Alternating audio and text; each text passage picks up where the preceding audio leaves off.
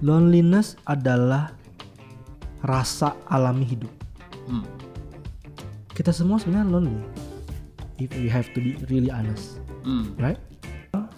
Aku membatasi klien karena aku juga harus maintain matchy. Oh, makes sense. Jadi Iya. jadi seluruh praktek yang disebut sebagai timur tadi bukanlah untuk sekedar menghilangkan gejala sakit, tapi bagaimana sih lu hidup sebagai manusia tuh lebih full.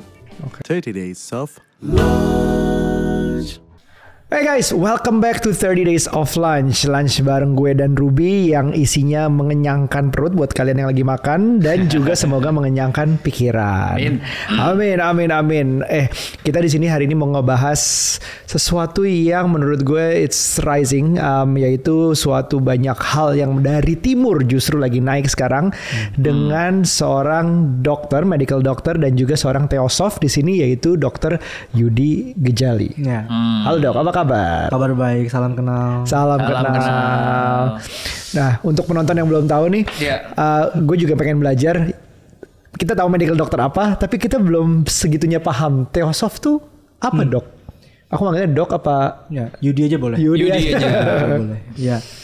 Teosof adalah orang yang menggeluti teosofi. Hmm. Apa itu teosofi? Teosofi adalah gerakan internasional untuk menggali potensi terbesar dari manusia dan peradaban dari berbagai aspek. Aspek terutama adalah pertama science, Mm-mm. yang kedua filosofi, Hmm. yang ketiga adalah uh, religiusitas atau spirituality, yang Ya. keempat adalah art. Empat hal itu, oke. Hmm, jadi kaum teosof adalah kaum yang biasanya seorang filsuf atau dok atau scientist atau spiritualis, apakah mereka religius atau bukan, atau seniman, yang tujuan karyanya adalah menemukan the latent potency of humanity, teosofi. Jadi cari irisan dari empat hal itu ya. Cari menggali potensi kemanusiaan dari empat pintu gerbang. Oke. Uh, Tokoh-tokohnya turut kayak di Indonesia kayak pendiri Budi Utomo tuh teosof. Oh. Kemudian kayak Maria Montessori, penggagas Sekolah Montessori. Montessori itu teosof. I see. Many many many people. Jadi dasarnya kayak open minded ya berarti ya bahwa nggak saklek oh semua tuh sains aja semua tuh berdasarkan religiusitas aja gitu apa gitu ya berarti harus open minded untuk semua ya? Sangat harus open minded dan berusaha menggali hal-hal yang selama ini kita nggak pikirkan. Hmm. Jadi contohnya kaum teosofi adalah kaum yang dulunya eh, menentang kolonialisme. Padahal penjajahan oke mereka sendiri dari kaum Belanda waktu itu banyak di Indonesia. Jadi mereka oke nggak begitu harusnya manusia itu setara. Makanya salah satu tokoh teosofi mengarang buku Max Havelaar, Ini Dois Dekker ya Doris Dekker, to one of Theosof. Nah, tapi lama gerakan teosofi di Indonesia nggak berkembang karena politik karena dulu banyak orang Belanda yang terlibat.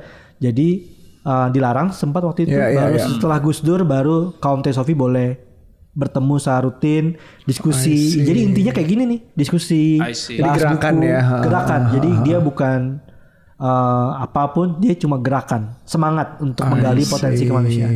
Ya, podcast sebelum ada direkam-rekam ya. Iya. Sayangnya.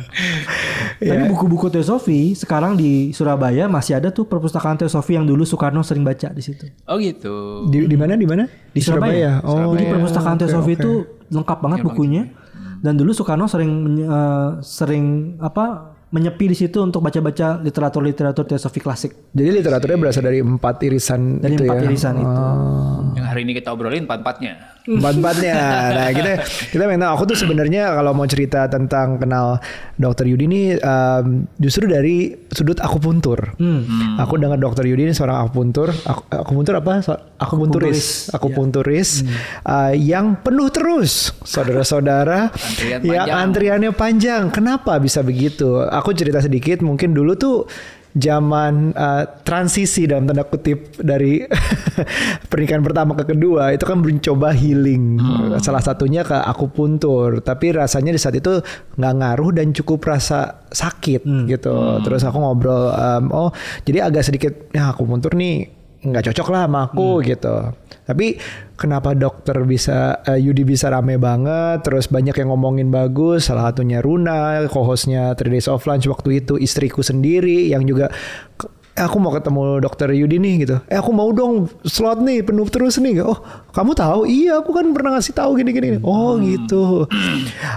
Kita mau hari ini jadinya ngobrolin hal-hal yang menurutku um, rising nih karena banyak orang yang bahkan di di barat tuh kayak mulai belajar yoga, Ah. mulai belajar um, Buddhism misalnya, Mindfulness. Uh, mindfulness, terus ada uh, Chinese medication dari herbal sampai akupuntur.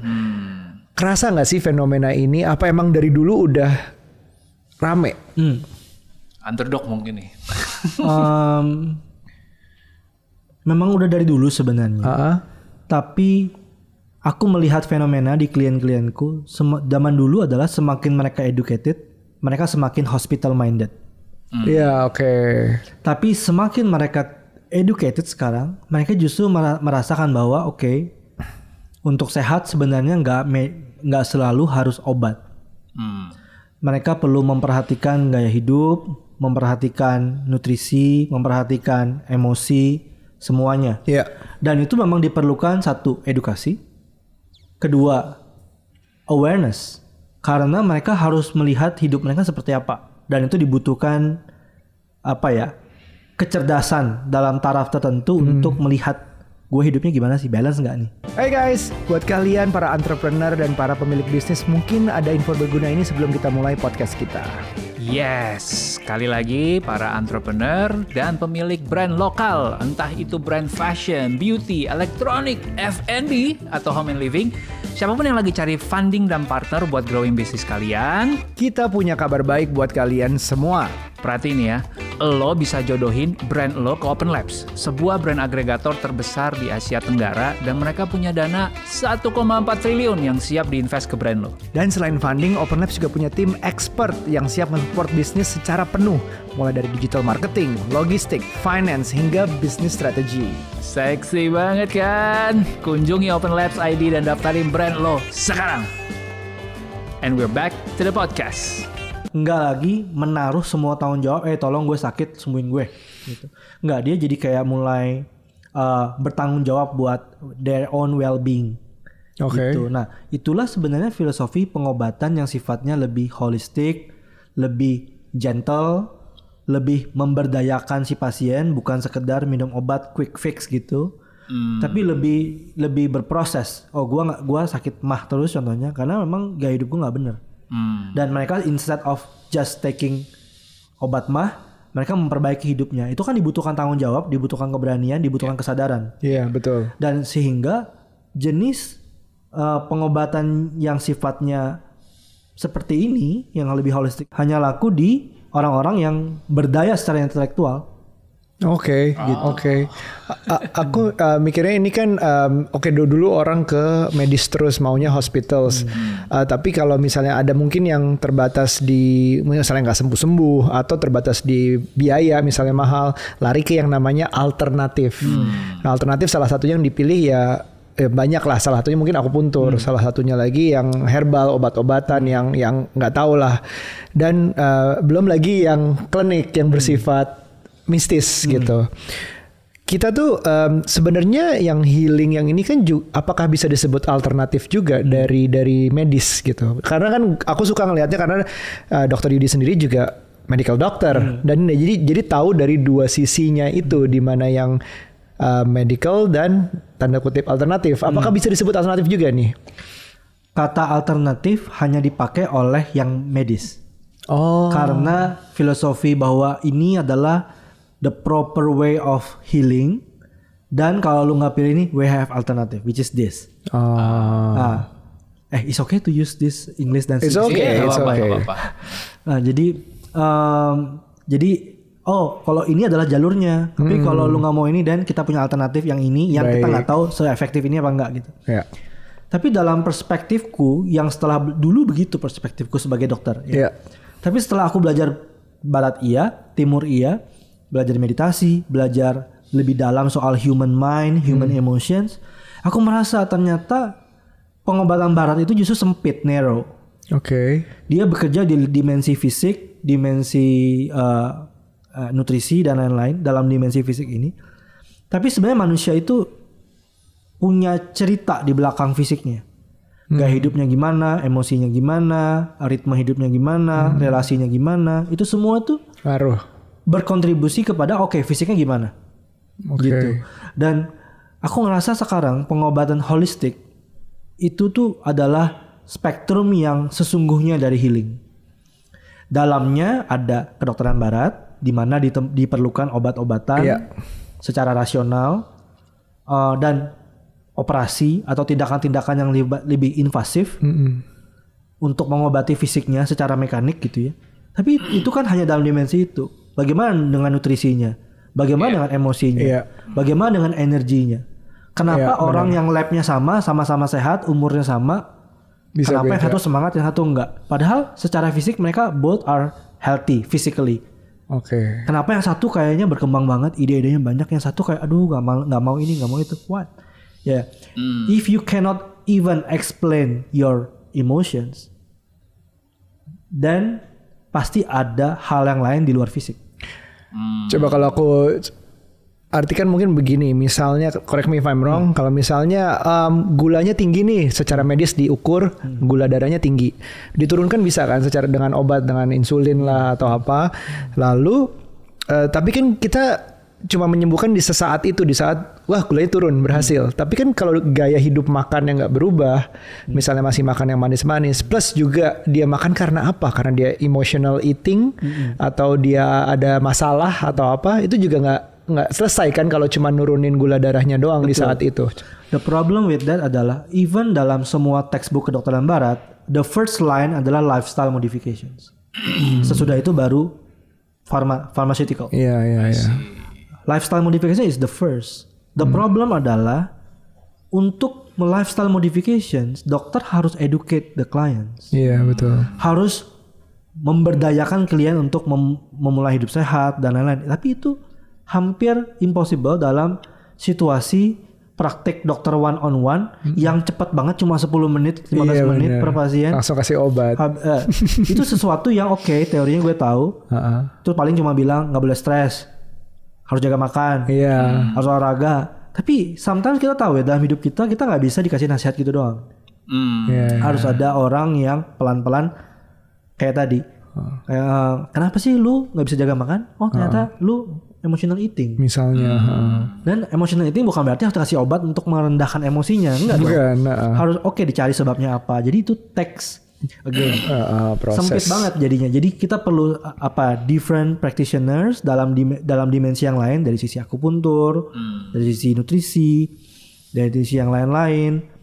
Mungkin coach eh, apa Personal trainer. personal trainer Iya, iya, iya, kayak gitu-gitu untuk memberdayakan si klien. benar Karena lifestyle kita nggak bisa maksa klien kita mengubah gaya hidupnya kecuali gak, si klien akhirnya sadar bahwa oke gue harus berubah nih dan Hmm. it takes again education kesadaran, Kesadaran untuk melihat ke dalam dalam ya. gue ini apa sih yang jadi masalah Hmm. nah problemnya memang masyarakat kita yang memang belum terlalu kebuka soal ini mereka jadi kayak oh gue sakit mah minum obat Iya, gue flu minum obat gue alergi minum obat karena itu yang quick fix benar. dan itu juga yang menjual. Ad- jual secara masif gitu. Iya. Wow, oke oke. Terus gimana caranya kita secara lengkap? Jadi jadi bukan pertanyaannya berarti bukan memilih alternatif yang benar karena alternatif adalah yang diciptakan dari barat ya. Em, apa saja dari dalam hidup itu yang harus kita ya benerin biar secara holistik? Hmm. Dan aku masuk ke kedokteran timur. Oke. Dalam filosofi kedokteran timur, satu terminologi yang dipakai adalah yang sheng. Apa itu? Yang sheng ini adalah nourishing your life. Jadi seluruh praktek yang disebut sebagai timur tadi bukanlah untuk sekedar menghilangkan gejala sakit, tapi bagaimana sih lu hidup sebagai manusia tuh lebih full. Oke. Karena dalam kedokteran timur dibilang bahwa kalau seorang manusia manusia ini tidak berdiri sendiri. Dia itu adalah bagian dari kosmos yang lebih besar, yaitu dalam timur juga ada heaven, ada man, ada earth. Oke. Tien Renti. Hubungan manusia ini dia harus dilihat dari dinamika antara hubungan dia dengan langit, Oke. hubungan dia dengan bumi. Artinya hubungan dia dengan langit melihat bahwa oke, gue ke langit tuh gimana? Langit tuh melambangkan sesuatu yang lebih divine, spiritual. Uh, sesuatu yang sifatnya tuh beyond us gitu. Di luar kuasa kita, Di luar kendali kuasa kita. Ya. Dan dari sisi kedokteran timur bilang, kalau kamu hidup di luar ketentuan langit, kamu sakit pasti. Artinya gini. Artinya kalau kamu dan maksudnya ketentuan langit itu gimana? Itu sesuatu yang diperdebatkan di kedokteran timur tuh. Hmm. Melawan lu nggak jujur. Lu pasti sakit. Dan itu dites. Nama tesnya kinesiologi. Nah, ini kedokteran barat nih. Jadi kalau lu disuruh nih tes tuh. Ditekan kalau lu jujur kuat. Tapi kalau lu udah mulai ngebohong, tuk gitu. Oh iya. Iya. Dan kita bisa lihat dari refleks tubuh kita kalau Itu kita lie tuh mulai detector. Itu cara lie detector bekerja. Yes, actually.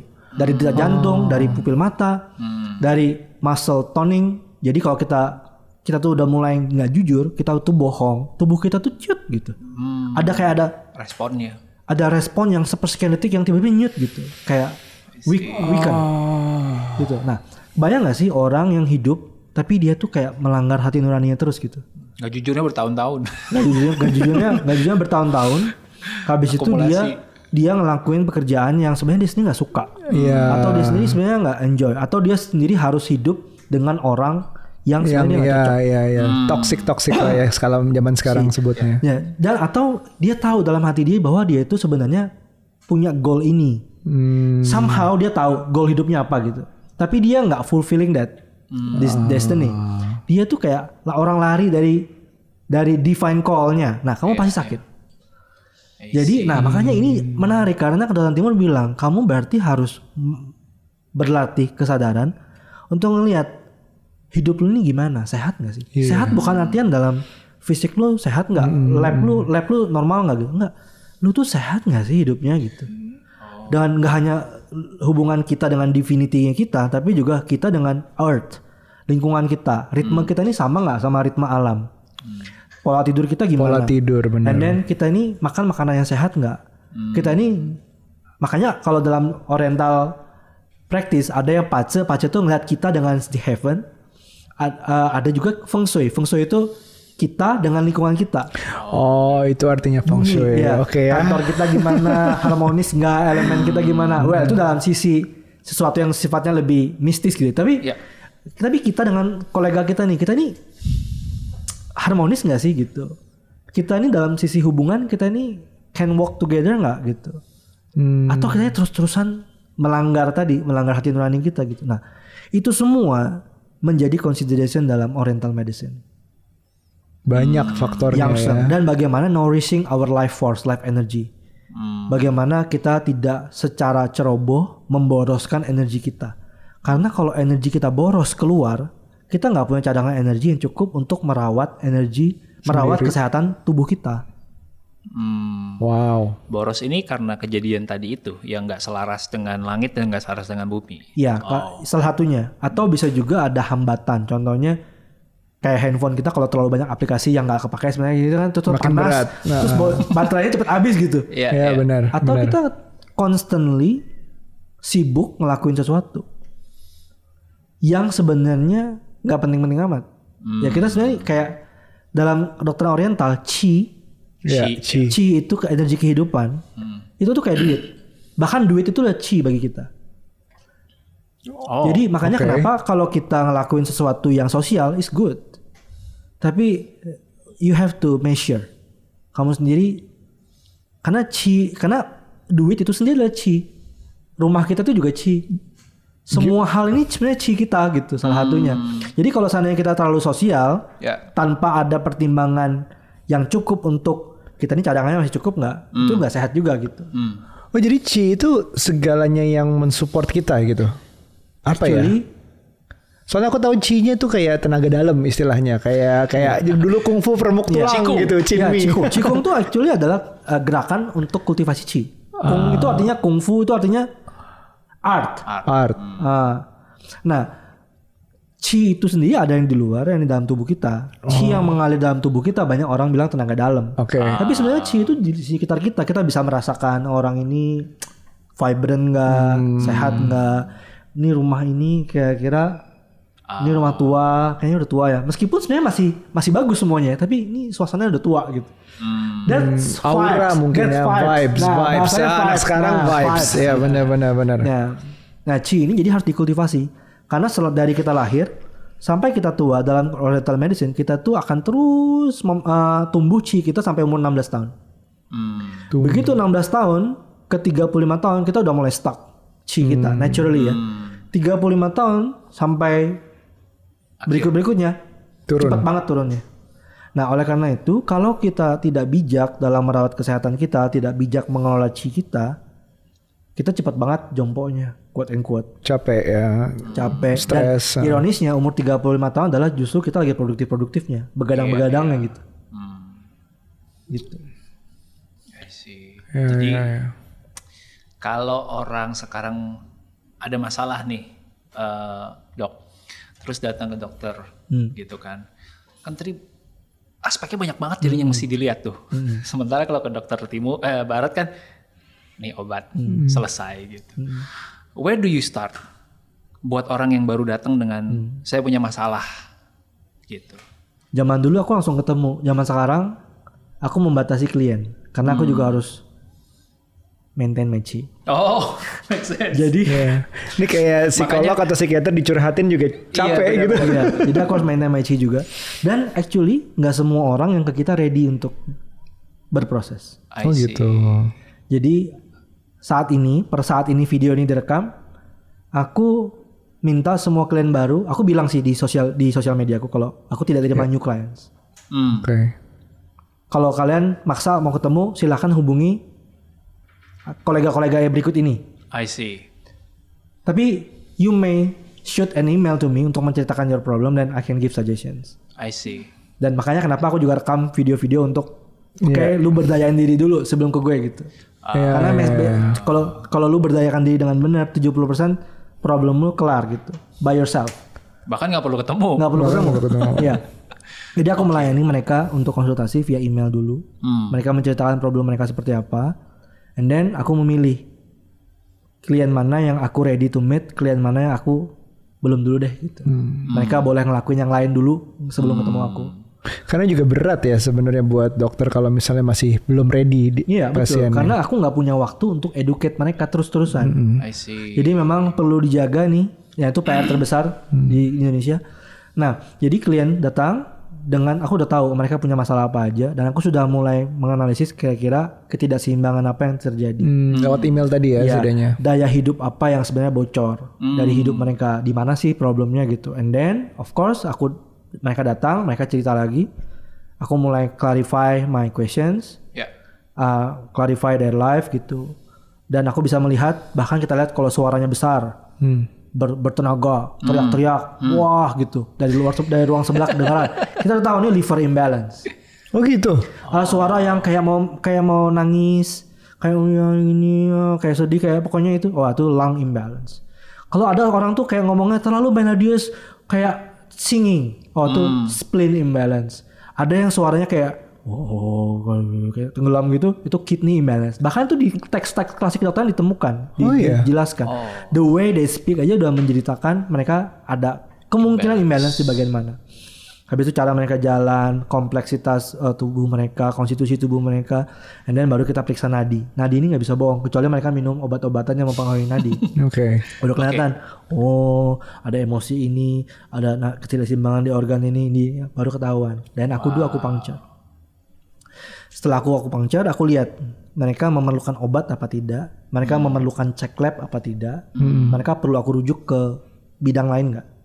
Dari situ baru mulai terjadilah skenario treatment planku. Oke, kalau itu kita ketemu sekian, and then what, what you expect, dan gini-gini, and then kita again, dan pasti ada PR buat dia. Hmm. Harus PR yang pasti sendiri. pasti aku minta mereka belajar meditasi pasti I see. karena kalau lu mau sembuh lu harus sadar diri dulu menyadari emosi lu apa dan melihat hidup lu gimana. Nah itu perlu kesadaran dan kesadaran dilatihnya dengan praktik me- meditasi. Oh. Oke. What is jadi bahasa Inggris juga. Iya, iya. Eh, silakan diminum dulu dok. Jadi aku ke trigger dua question. Pasien apa ya? Yang pasien mana yang pernah dilayanin akhirnya butuh lama banget dan mana yang ternyata eh dua kali beres nih gitu. Dulu aku sebelum mem- mem- mem- menerapkan sistem filter itu Iya. lama banget. I see. Karena again klien yang datang belum ready, jadi PR-nya panjang. Hmm. Dijelasin dulu. Bayangin aja mereka datang dari dari mentalitas yang ke dokter minum pil sembuh. Dan aku minta, oke sekarang bapak tugasnya ini, bapak tugasnya ini, bapak tugasnya ini. Tiap malam sebelum tidur lakuin ini, nafasnya seperti ini. Hmm. Itu kan dibutuhkan Disiplin. disiplin dan lain-lain. Itu jadi lama. Ada yang berantem gak tuh? Lah, saya datang untuk dikasih obat kok. Enggak, enggak. Malah saya yang harus kerja gitu. Enggak, enggak, enggak. Untungnya enggak. Untungnya enggak. Tapi kalau mereka ngerasa beban untuk mengubah hidup tuh terlalu berat buat mereka Iya. dan mereka biasanya akan drop out. Iya, nggak ngelakuin mereka aja. akan drop out, mereka simply kayak nggak bisa follow aja. Hmm. Dan ada bahkan pasien yang aku bilang gini, berkali-kali aku udah bilang, kamu kurangin aktivitas. Aku bilang, dia adalah contohnya nih, contoh ya, contoh Iya, kasus Contoh. Hmm. wanita single mother. Hmm. Ada dia sudah berpisah dari pasangan dan dia punya emosi yang banyak banget. Hmm. Mm-mm. Dan di tengah emosi yang nggak beres itu, dia akhirnya memutuskan untuk cari kerja Hmm. demi anaknya. Hmm. Habis itu dia tapi nggak cukup di situ karena dia punya emosi, dia kabur dari kenyataan emosi dia dengan sifatnya social works. Hmm. Alright. Ya, well, it's good. Tapi ternyata bahkan social works dia itu menjadi pelarian dia karena dia nggak mau ngeliat anaknya. Gak mau ngelihat Oh. anaknya. Wow, jadi banyak-banyak kegiatan supaya nggak perlu ketemu masalah gue nih. Iya. Sehingga dia ketemu anaknya saat dia udah capek banget dan akhirnya Jauh. jauh dari anaknya dan akhirnya itu membuat tergulung dari berbagai masalah kesehatan dan lain-lain. Dia jadinya emo- emotional eating dan lain-lain gitu. Cemasan dan Ya. lain-lain. Aku bilang, "No, kamu stop dulu social work kan. Kamu mulai olahraga. Hmm. Satu kali seminggu aku bilang, satu kali seminggu. Habis itu kamu kerjakan PR ini untuk kesembuhan emosional kamu, cuma satu kali seminggu aku bilang. Dia nggak dilaku-lakukan. Sudah tiga bulan tiap kali dua minggu ketemu, dua minggu sekali ketemu nggak pernah dilakukan. Tapi aku bilang gini, kamu nggak perlu ke saya lagi sampai kamu sudah ngelakuin ini. Kamu submit jurnal healingmu dan baru aku allow you to meet me again. Akhirnya saat itulah dia akhirnya berubah. Oh, harus di ultimatum Nah dulu. ada seperti itu. Wow. Iya. Nah Wow. kalau dia sampai saat itu dia nggak mau berubah juga, dan I'm sorry, I cannot help people Iya. who doesn't want to To help. be helped ya. Mungkin in another chance mungkin gitu. Nah tapi ya seperti itulah contoh kasus ekstrim. Tapi sejak aku filter, Hmm. it start to get better karena mereka udah dalam kondisi yang sudah lebih ready ketemu aku dan mereka udah lebih oke. gue bertanggung jawab buat kesehatan gue. Gue udah ngelakuin ini loh dok. Gue udah ngelakuin ini loh dok. Gue lihat, oh ternyata dia oke dia mau sembuh nih. Dia ngelakuin ini ngelakuin ini. Oke. Dan mereka ready untuk healing gitu. Dan akhirnya mereka lebih cepat sembuhnya. Ada yang cuma satu kali treatment, udah bolak-balik fisioterapi, sakit pinggang ke mana pun, cuma satu kali heal, sembuh. Hmm. I see. Gitu. I see. Iya. Ini healing ya. Healing um, healing tuh istilah sekarang yang kayak oh healing tuh dianggap ke Bali. Iya. Um, the healing tuh dianggap meditasi atau ke psikolog, ke psikiater. Uh, sebenarnya kan sembuh dari penyakit ke dokter juga juga healing bagian dari healing bagian dari semuanya. healing. Uh, dan sekarang ramai ngomongin semuanya pengennya healing. Se- uh, arti dari tadi um, Chinese Chinese medication itu meluruskan diri ya, me- me- Nourishing your life. nourishing your life. Sebenarnya proses healing tuh dari eh, ongoing terus Ongoing dari terus. dari kita nggak pernah really perfect Finish line. 100% finish line nggak ada kan? No, karena kapasitas kita emang unlimited. Hmm. Dan contohnya sekarang kalau aku tanya sama Ferry apa sama Aryo, Aryo, are you hel- apa how is your life? Dan pertanyaan itu aja ya, pasien pertama datang, ini aku tanya, how is your life? Mereka tuh kayak kayak pertama-tama tuh kayak, hah? Ha- Ada yang nang- nangis, Hmm. ada yang kayak They don't don't know jawabnya. how to answer. Oke. Hmm. Karena itu tuh kayak pertanyaan yang iya, gue nggak mikirin hidup gue gimana sih sebenarnya. Kita tuh hidup sibuk, kita tuh sibuk hidup, tapi kita tuh kayak nggak ada jeda untuk gue ini, who am I, Hmm. gue hidup gue ini gimana sih? Saya nggak sadar itu ya. Saya nggak sadar, iya, saya nggak sadar. Dan sosial media dan ritme sosial media kita tuh semakin lama semakin cepet. Iya. Iya. Orang semakin sulit bahkan untuk menyelesaikan satu buku aja, satu lembar halaman buku aja tuh kayak susah banget. Iya, yang udah dibikin gampang kayak Netflix film aja, kita harus ya ada ntar dulu deh ada ini, ada itu. dan keep there is notifications in my social media kan gitu. Iya. Nah, jadi kayak ya itu. Jadi kadang pertanyaan how is your life? Itu tuh kelihatan langsung tuh. Iya. Mereka dalam kondisi yang oke apa enggak. Ngomong-ngomong soal healing, healing sendiri berasal dari kata heal. Hmm, heal sendiri berasal dari kata whole. Whole. Whole, whole sendiri asak, akar katanya dalam bahasa Anglo-Saxon kuno tuh hollow, hollow artinya penuh. Oke. Oh, oke whole. Whole sepenuhnya. Kalau jadi when you are whole, jadi saat kita benar-benar integral, utuh, apa adanya, nggak nggak there is no there is there is nothing to hide. Kita completely being ourselves, then actually you are healed at that moment. Tentu saja, tapi kita berubah terus kan. Hmm. Gitu. Hmm. Gitu. Hmm. Kapan sih kita sebenarnya menjadi diri kita sebenarnya? Hmm.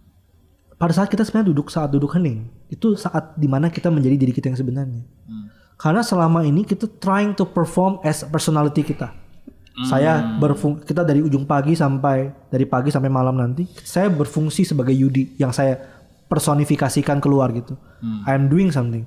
Tapi sebenarnya saya hanya benar-benar beristirahat jadi gua apa adanya saat gua duduk aja. Duduk sadar ada di sini. Itulah the, the only time that I'm being myself Nothing to perform, nothing to show, nothing to hide, nothing to reject, dan just be. Ya, ya, ya. Menarik. Ini sebenarnya banyak yang kita bisa bahas dari Rise uh, of the East gitu. Karena karena di dunia ini kayaknya is is is rising. Um, mau itu mau itu dari segi entertainment misalnya, mau itu dari segi film, dari musik itu Korea tuh naik banget sekarang. Terus uh, Jepang juga kebudayaannya kuat banget. Uh, China dengan medicationnya sekarang. Aku juga suka ngeliat video bahwa yang yang udah berumur di uh, orang-orang di Cina sana yang udah berumur tuh masih kuat-kuat Iya. gitu. Karena mungkin nourishing chi-nya itu juga di sesudah 35 masih bagus ya. Banyak banyak filosofi yang sebenarnya uh, bisa kita pelajari dari dari timur, termasuk Indonesia katanya. Indonesia juga banyak yang bisa kita lihat sendiri. Apa sih yang lagi rising itu, yang di, di tertarik orang Barat tertarik tuh? Di Indonesia? dari Indonesia atau dari apalagi yang bisa kita pelajari dari the rise dari timur? Timur punya satu. Timur lebih mementingkan kualitas, ritualitas, heart, hati yang dituangkan dalam setiap tindakan. Hmm. Barat dalam kalau kita ngomong Barat ini bukan rasis ya, lebih mementingkan karena mereka revolusi industri, kapitalisme, Ya ya ya. produk masif, penjualan jadi kuantitas yang bisa dijual secara masif. Tapi sekarang bahkan dari sisi bisnis pun sekarang mereka mulai kembali ke artisan-artisan yang Iya iya iya. tidak masif tapi lebih lebih unik, lebih Ah. handmade, lebih ada hati yang dituangkan, lebih meaningful. Itu kan sesuatu yang timur dulu. Ya lebih intangibles ya. Ya. Ya, bisa di, belum tentu bisa dihitung, diukur. ah. Kayak Jepang. Jepang dulu bikin kalau Jepang bikin sushi saja. Waduh, ritualnya luar biasa. Iya. Bagaimana mereka secara detail, perfect iya. me- menyiapkan oh ya kan pasti ya. Wah, ahli ahli food di sini kan. Tapi mereka benar-benar kan ahli-ahli sushi itu. Jadi Iya, iya. dan dan bagaimana cara mereka mengkultivasi diri dengan main musik. Hmm. Di barat, musik is about being happy, you know. Iya iya. Di timur nggak gitu. Oh. Di timur bahkan di kedokteran timur bilang bahwa ada musik-musik yang nggak sehat, ada musik-musik yang sehat. Musik-musik yang nggak sehat adalah musik-musik yang membuat panca indera kita terbuai, Nggak ter- sehat justru. tertrigger, nggak ter- nggak sehat dalam perspektif timur, Oke. kedokteran timur ya. Oke. Yang sehat seperti apa? musik yang membuat kita lebih tenang dan lebih konten. Hmm. Yang lebih tone in, intona- tone, tone nadanya tuh kayak lebih deep and then lebih Hmm. ya Jadi kayak Slipknot gitu enggak lah ya? ya Atau kayak Metallica gitu. I don't know kan. ya. Nggak, tapi maksudnya eh, bi- buat beberapa orang kan mungkin lagu itu bikin dia tenang. Terserah mau Metallica atau Slipknot gitu. Jadi nggak melulu kayak genre musiknya sebenarnya kan. Ya, nah itu harus diteliti lagi efeknya seperti apa. Tapi memang kita harus lihat tenang ini juga harus dievaluasi. Tenang ini dalam bentuk bliss yang excited gitu, atau sesuatu yang lebih deep inside, I see. yang make us back to to be here. Iya, iya. Bukan yang ngawang-ngawang ecstasy gitu. It's Iya, different. iya. Itu juga senang dong. Iya, iya. Tapi kayak sesuatu yang sifatnya lebih konten, nggak terpencar gitu. Hmm. Memang timur tuh lebih mementingkan dengan banyaknya produk yang kamu hasilkan nggak terlalu penting dibandingkan dengan rasa di belakangnya. Ah, Makanya mereka mengandalkan ritual, ada tea ceremony, ada kaligrafi. Oh kalau saya nikah aja panjang banget tuh ceritanya Iya. tuh tradisionalnya. Nah sayangnya memang rasa ini bukan sesuatu yang kita bisa. Wah, dulu kita sempat tersesat dalam banyak ritual, nggak art- nggak ngerti artinya. Iya benar. Dan dalam perspektif Barat itu sesuatu yang membuang-buang waktu. iya, Iya benar. Tapi kalau kita kembali sekarang, oh ya ternyata ada makna ini loh, ada makna ini. Di setiap ucapan, di setiap langkah, di setiap gerakan, Hmm. tari Jawa, Hmm. kaligrafi Chinese, kanji, and then uh, segala olah diri, makanya kultivasi diri itu sesuatu big topic in Oriental medicine, self cultivations, nourishing life, itu semua sifatnya tuh kultivasi gitu, praktik, gitu. Hmm, sal- salah satu timur yang juga kuat lebih ritual dan spiritual juga sebenarnya. Ya, Lebih religius ya kalau boleh dibilang ya. Apa enggak ya misalnya dengan Kalau religius kan kesannya sesuatu yang terkait sama Tuhan di luar sana. Hmm. Ini tuh bukan religious in that sense Agama uh, gitu. of meaning, tapi kayak lebih oke, bagaimana lu hidupnya lebih deep, lebih berasa. Gak sekedar ngomong doang nih, tapi kita ngomong tuh kita sepenuhnya hadir. Hmm. When we eat, we completely be there dan menghargai connect dengan hidup tuh lebih deep aja gitu. Deep, deeper dimension, bukan sekedar oh makan set, selesai. Set, selesai. Tek tek tek cepet banget gitu.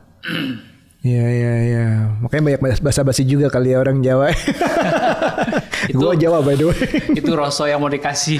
Iya, dia mungkin mungkin maksudnya in, in a good way karena aku ngerasa ngobrol sama orang.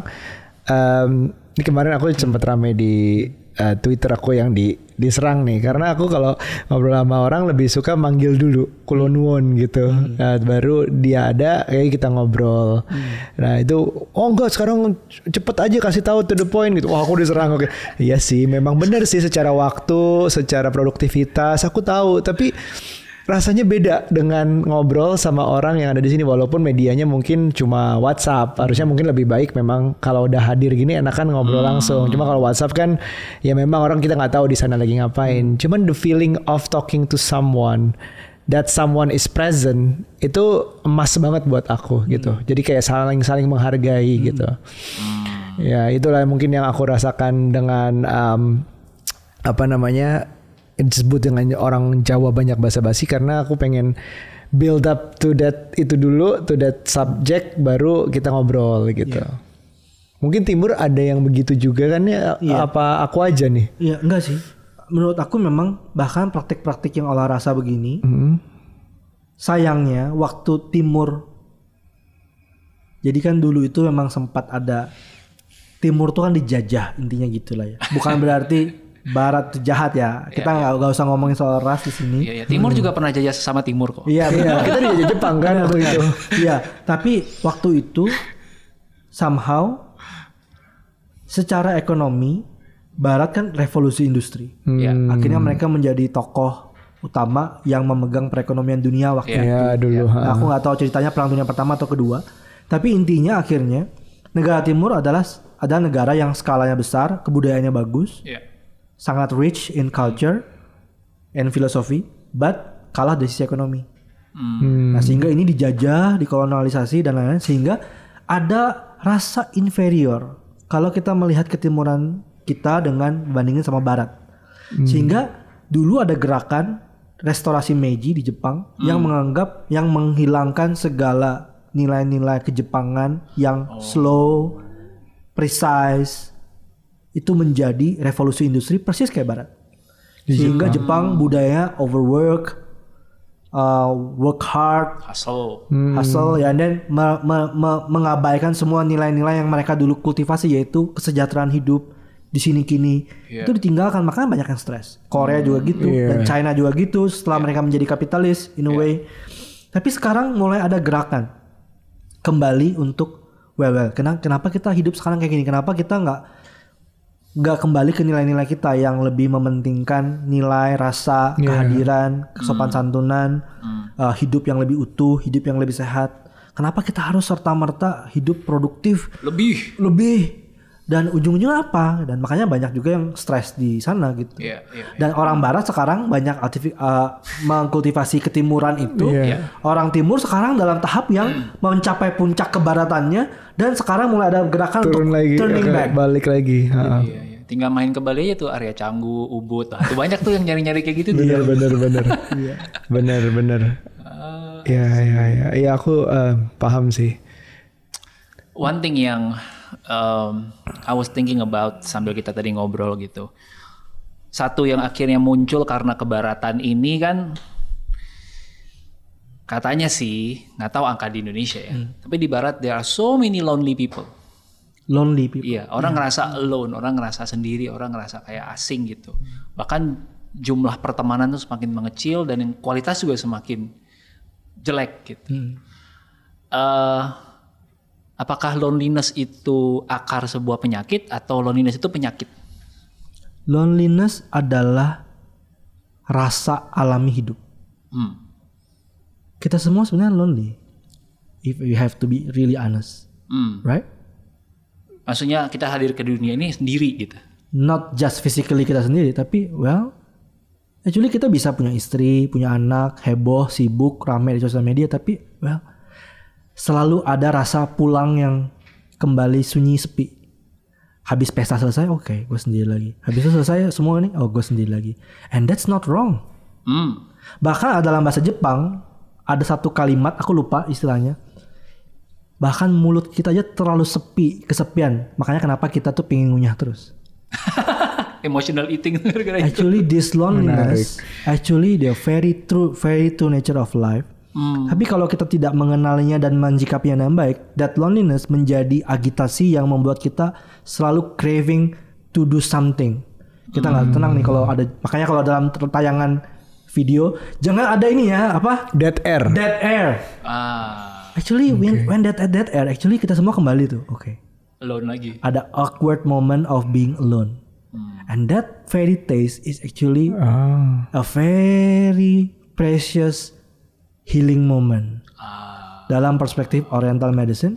Tapi karena kita kecanduan untuk perform aksi tampil using mask, kita nggak nggak enak tuh. Terus stale air yang kita harus isi cepet. Ada suara lagi, ada ini lagi, ada doing something, Hmm. Dan itu menjadi root cause of anxiety. So loneliness is not a bad thing sebenarnya. Loneliness is true nature. Who is not lonely? Even your mouth is too lonely to. Uh, yeah.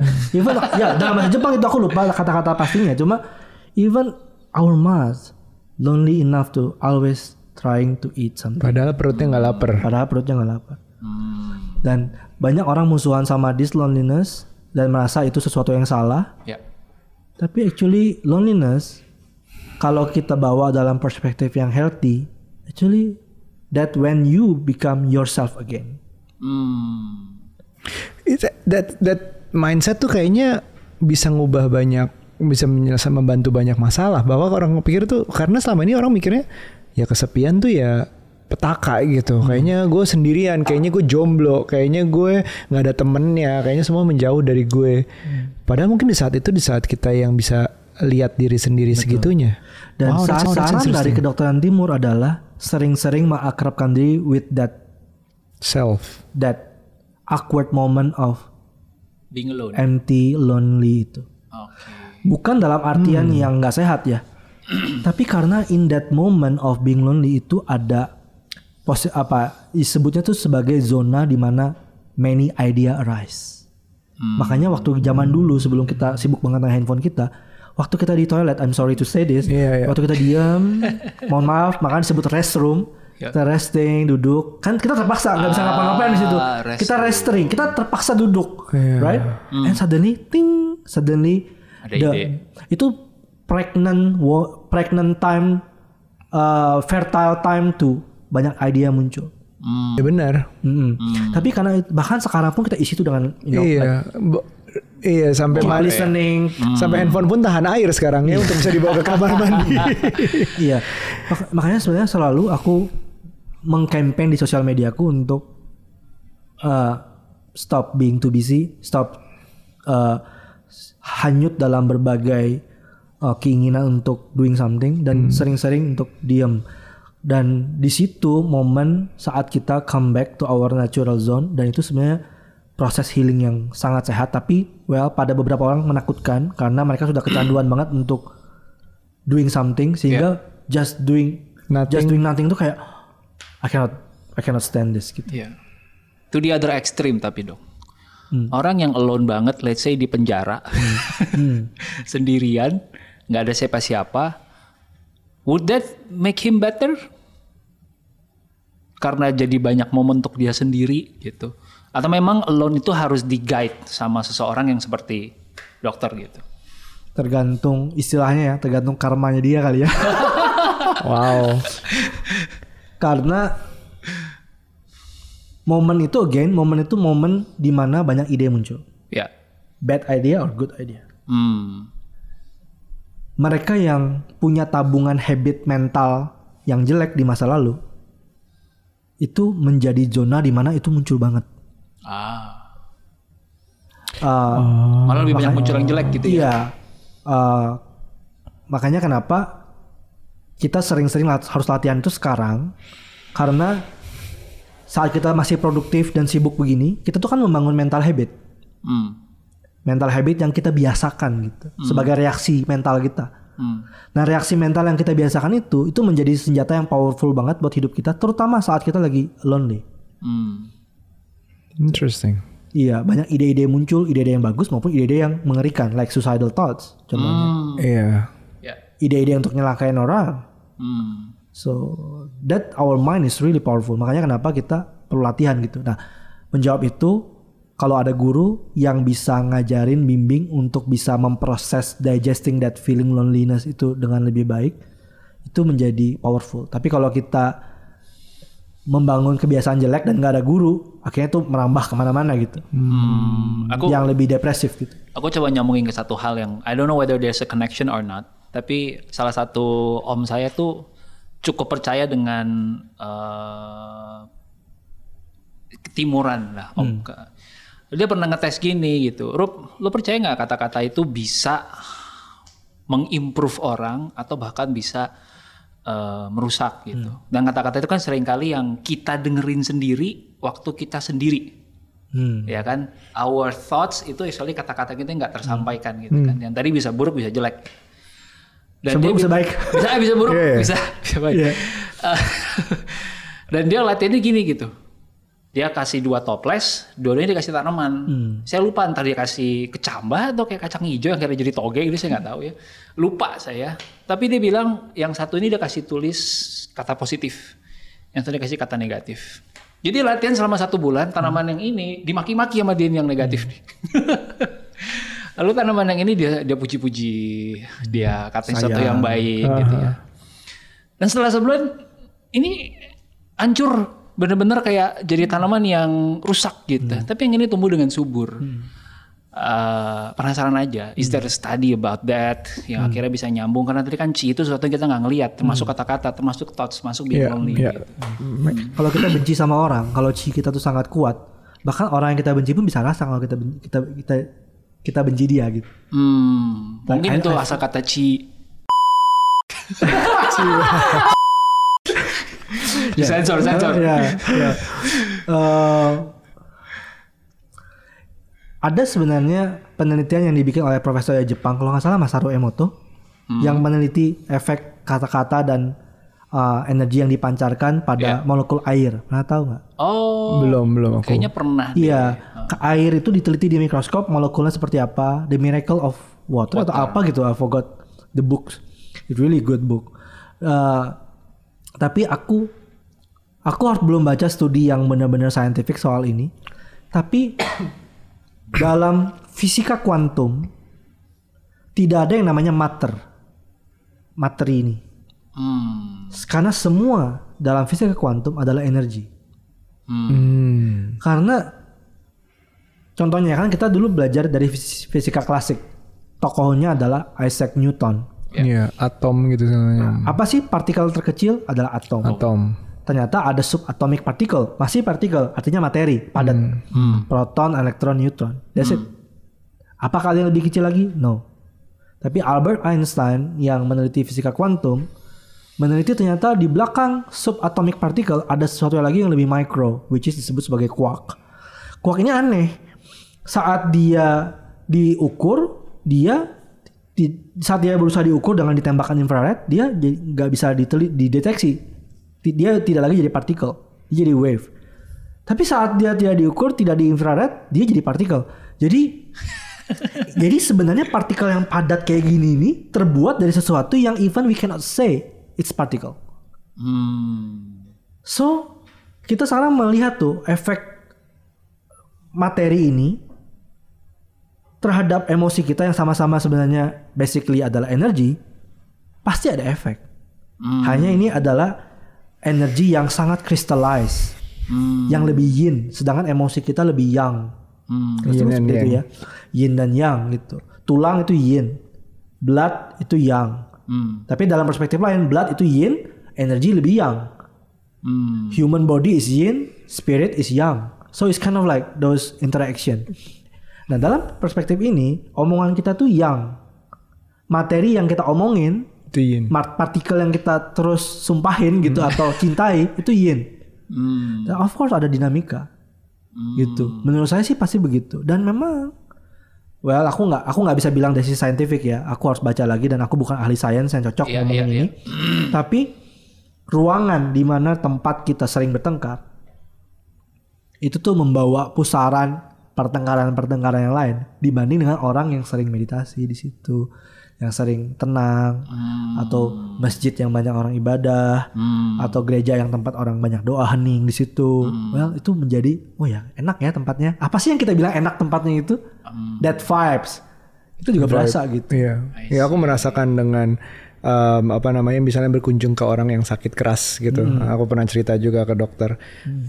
Aura, vibes atau chi-nya itu beda dan bahkan sesudah mengunjungi kita bisa kayak nempel di kita gitu seolah-olah kita tuh the rest of the day is ruin. Iya.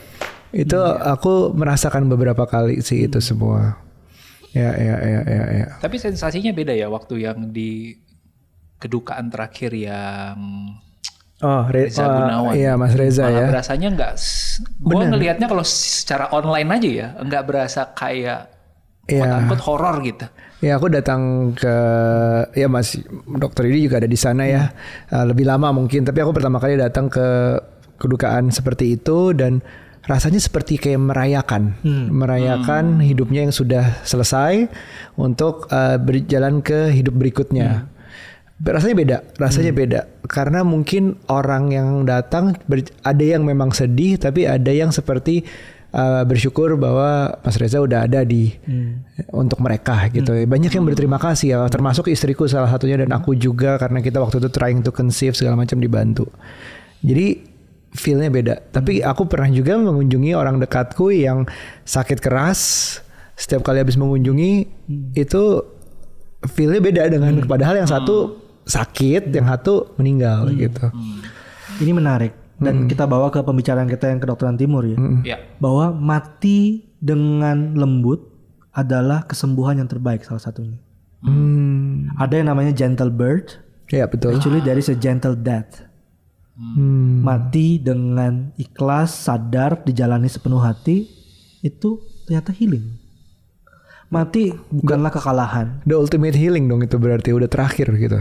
Not necessarily ultimate. Well, ultimate in the term of bodily, Bodily, as iya, that iya. personality. Iya yes. iya iya. Tapi kita bisa bilang bahwa ada buku yang bagus menurut aku yang menceritakan actually how we die mencerminkan how we live. Again, mental habit yang kita exercise saat kita hidup itu Yeah. akan sangat tergulung apalagi di momen-momen kita sendirian saat we have to die. Hmm. Kalau kita dikuasai kemarahan, keinginan, keserakahan pada saat kita hidup, pada saat mati itu menderita banget. Tapi waktu kita tuh terbiasa untuk lepas, tenang, sadar, hadir saat hidup, tulus sama orang, memancarkan cinta kasih, maka that energy yang kita biasakan saat hidup itu well, kita tuh kan kita harus akui kita tuh kan terdorong oleh habit banget. Habit yang kita biasakan akan mendorong kebiasaan-kebiasaan kita berikutnya Ya. gitu. Betul. Nah, jadi kalau kita membiasakan diri untuk hidup sadar, hidup penuh, utuh, sehat, penuh love with others, maka actually when we have to die and we bring that that condition bahwa kita matinya oke, gue lepas, gue sadar, jalani dengan sepenuh hati saat mati pun, itu diajarin loh bahkan dalam kedokteran oriental, how to die peacefully as a part of healing. Nah, aku bisa melihat itu tercermin dari Reza. Banyak yang bilang lah, dia kan eh, penyembuh, kenapa dia mati? Well, well, siapa yang sekarang nggak mati, Iya. gitu. Iya, dan, iya, dan dan dan kita nggak bisa lihat bahwa dia gagal sebagai penyembuh karena orang lahir dalam kondisi yang berbeda. Aku nggak bisa ngomong Reza lahir dalam kondisi Iya, gimana. Iya, iya, iya. Tapi I can testify bahwa pada saat dia mati pun dia actually menyembuh Hmm. dan dia uh, orang-orang yang hadir saat itu merasakan bahwa kita matinya tuh hening dan full of love. Hmm. Bukan mati yang "Ah, kenapa kamu gak terima, you know, like, Iya, iya, iya, gak iya, terima, marah, gak, Iya, gak bisa iya, iya. lepas, Hmm. gitu. Kita sedih yes, but we celebrate. Kita kita terharu basically, bukan sedih. Iya benar, benar, way. benar. Eh, persis Dan banget sama yang gitu rasanya. Kita latihan bahkan kita meditasi di situ. Hmm, hmm. Wow, gentle death. Gentle death. Gentle Death pertama kali. Cocok jadi nama band. Gentle Death. Serem juga ya. Mungkin menghasilkan nama musik band. yang tadi, musik yang menenangkan. Iya, iya, iya, iya. Aduh. Ya, aku sih hari ini um, belajar banget um, ada balance in life. Aku melihatnya banyak um, sebenarnya bukan mana yang lebih baik barat atau timur, tapi lebih ke arah semua tuh punya saling melengkapinya. Uh, dari kedo- ke- kedokteran barat kita bisa melihat angka-angkanya yang untuk kayak misalnya medical check up atau apa pun itu dan obatnya itu juga dibutuhkan. Iya. Dan tapi secara whole masih banyak lagi yang dari ba- membuat hidup kita tuh lebih lebih whole, Iya. Hmm. lebih menyeluruh sepenuhnya. Dari sini aku belajar banget dan um, dari gue sih lebih um, udah sampai situ um, bersyukur banget ada dokter Yudi di sini bisa di follow di di Instagramnya. Nanti kita tulis. Bagus banget. Dan juga ada video-video yang uh, salah satunya aku tonton kenapa tidur itu penting. Ya, ya. Ah, nanti kita bahas juga di episode lain. Terus kenapa jam 9 sampai 11 itu lebih krusial dalam hidup. Banyak banget videonya di YouTube-nya Dan kalau kedokteran barat yang timur sedikit aja. Ah, Ya. Kedokteran barat itu kayak meneliti secara saintifik, oh orang cantik tuh kayak gimana sih? Oh alisnya kayak gimana, hidungnya gimana, ini yang dibilang cantik. Tapi feeling is different. ya Kayak secara saintifik kalau ini cantik, ini jenjang, ini apa, tapi kenapa kok jatuh cinta sama si A bukan sama si B? Hmm, Padahal Kedokteran sama-sama timur. cantik. Menurut orang barat. Iya. Orang- Dan secara saintifik, physically sama-sama cantik. Iya. Tapi Rasa. rasa is different. Ah. Dari kedokteran timur di situ. Analogi jatuh cinta luar biasa. Ruby ada lagi? apa ya menurut gua hari ini eh, obrolan The Rise of the East eh, lumayan cerita yang underdog karena saya sendiri pernah ngalamin fase pengobatan waktu itu ada back pain Hmm. dan itu jalanin dua pengobatan yang berbeda dari barat juga secara saintifik dari scan nih hasil MRI oh iya nih ada ada bantalan yang keluar di lumbar nomor sekian dan itu menyentuh saraf gitu ya. Dan ya jawaban satu-satunya adalah operasi. Operasi. gitu. Tapi ya kita mau coba jalan lain waktu itu. Jalannya adalah eh, fisioterapi plus waktu itu eh, aku puntur kebetulan. Dan aku terapi tidur di atas papan jadi literally kayak papan begini nih ya yang tebelnya kayak 2 cm gitu Ulu sekitar 2 tahun rasa painnya gone eh, tapi selalu ada kebayang-bayang apakah ini benar-benar sembuh apa enggak gitu Mungkin eh, closing dari aku adalah itu. Kalau dalam case yang seperti itu, di mana kita secara barat kelihatan nih kan, karena hasil kan nggak bisa bohong ya. Iya iya iya. iya. But at the same time juga kita, kayaknya gue nggak nggak yakin kalau the only way is Is operation. operation gitu, surgery gitu. What do you think, surgery. eh, dok?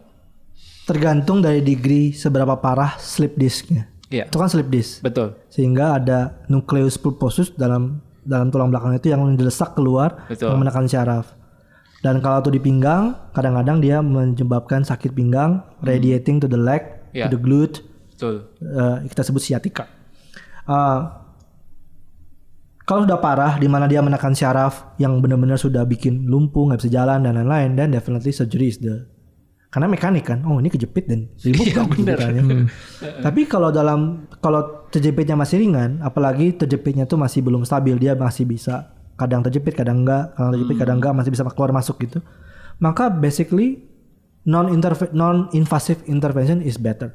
Karena masih banyak yang kita bisa lakukan, menguatkan struktur otot di situ untuk menjaga, I see. kemudian menguatkan syarafnya, ataupun kalau tetap kejepit tapi terjepitnya cuma sekian, gak mempengaruhi syaraf, yang memperparah terjepitnya adalah radangnya, radang bikin bengkak tambah kejepit. Hmm. Bagaimana kita bikin agar tubuh kita nggak radang? Nggak radang. Berarti kita mengurangi konsumsi makanan-makanan yang pro radang. Inflamasi ya. Heeh.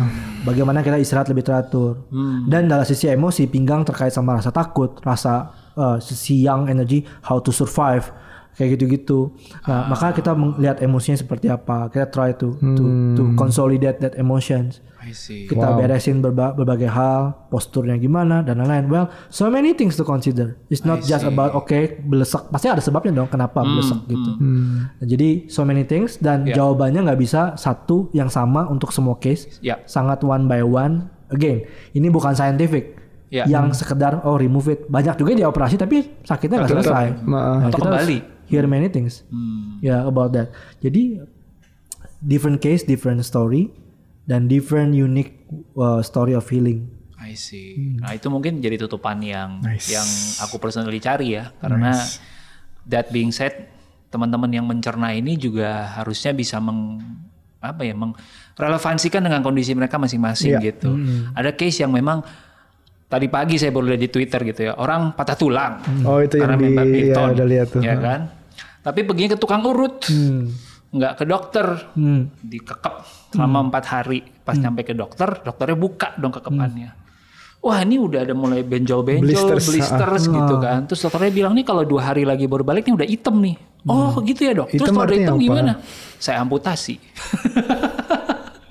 Nah, jadi padahal sebenarnya hasil scan jelas-jelas tuh tulangnya udah gak nyambung gitu. Nah, jadi uh, at the end of the day it's Iya, iya, iya. it's depends on each of different condition. Tapi saya selalu percaya makin ke sini makin nyadar bahwa ya satu penyakit itu ya bukan dalam case uh, patah tulang ya, memang kelihatan gitu. Yang Banyak sumbernya gitu yang perlu kita teliti dan nggak bisa dari obat doang. It's better untuk cari root cause-nya dan kita solve the real root cause, secara not just the holistic, symptom ya. gitu. Iya, iya. Itu sih. Dari aku sih gitu. So I think that's that wraps up the underdog story hari ini. Thank you banget. Thank you banget Thank you, dokter. thank you, Sampai ketemu lagi. Bye bye.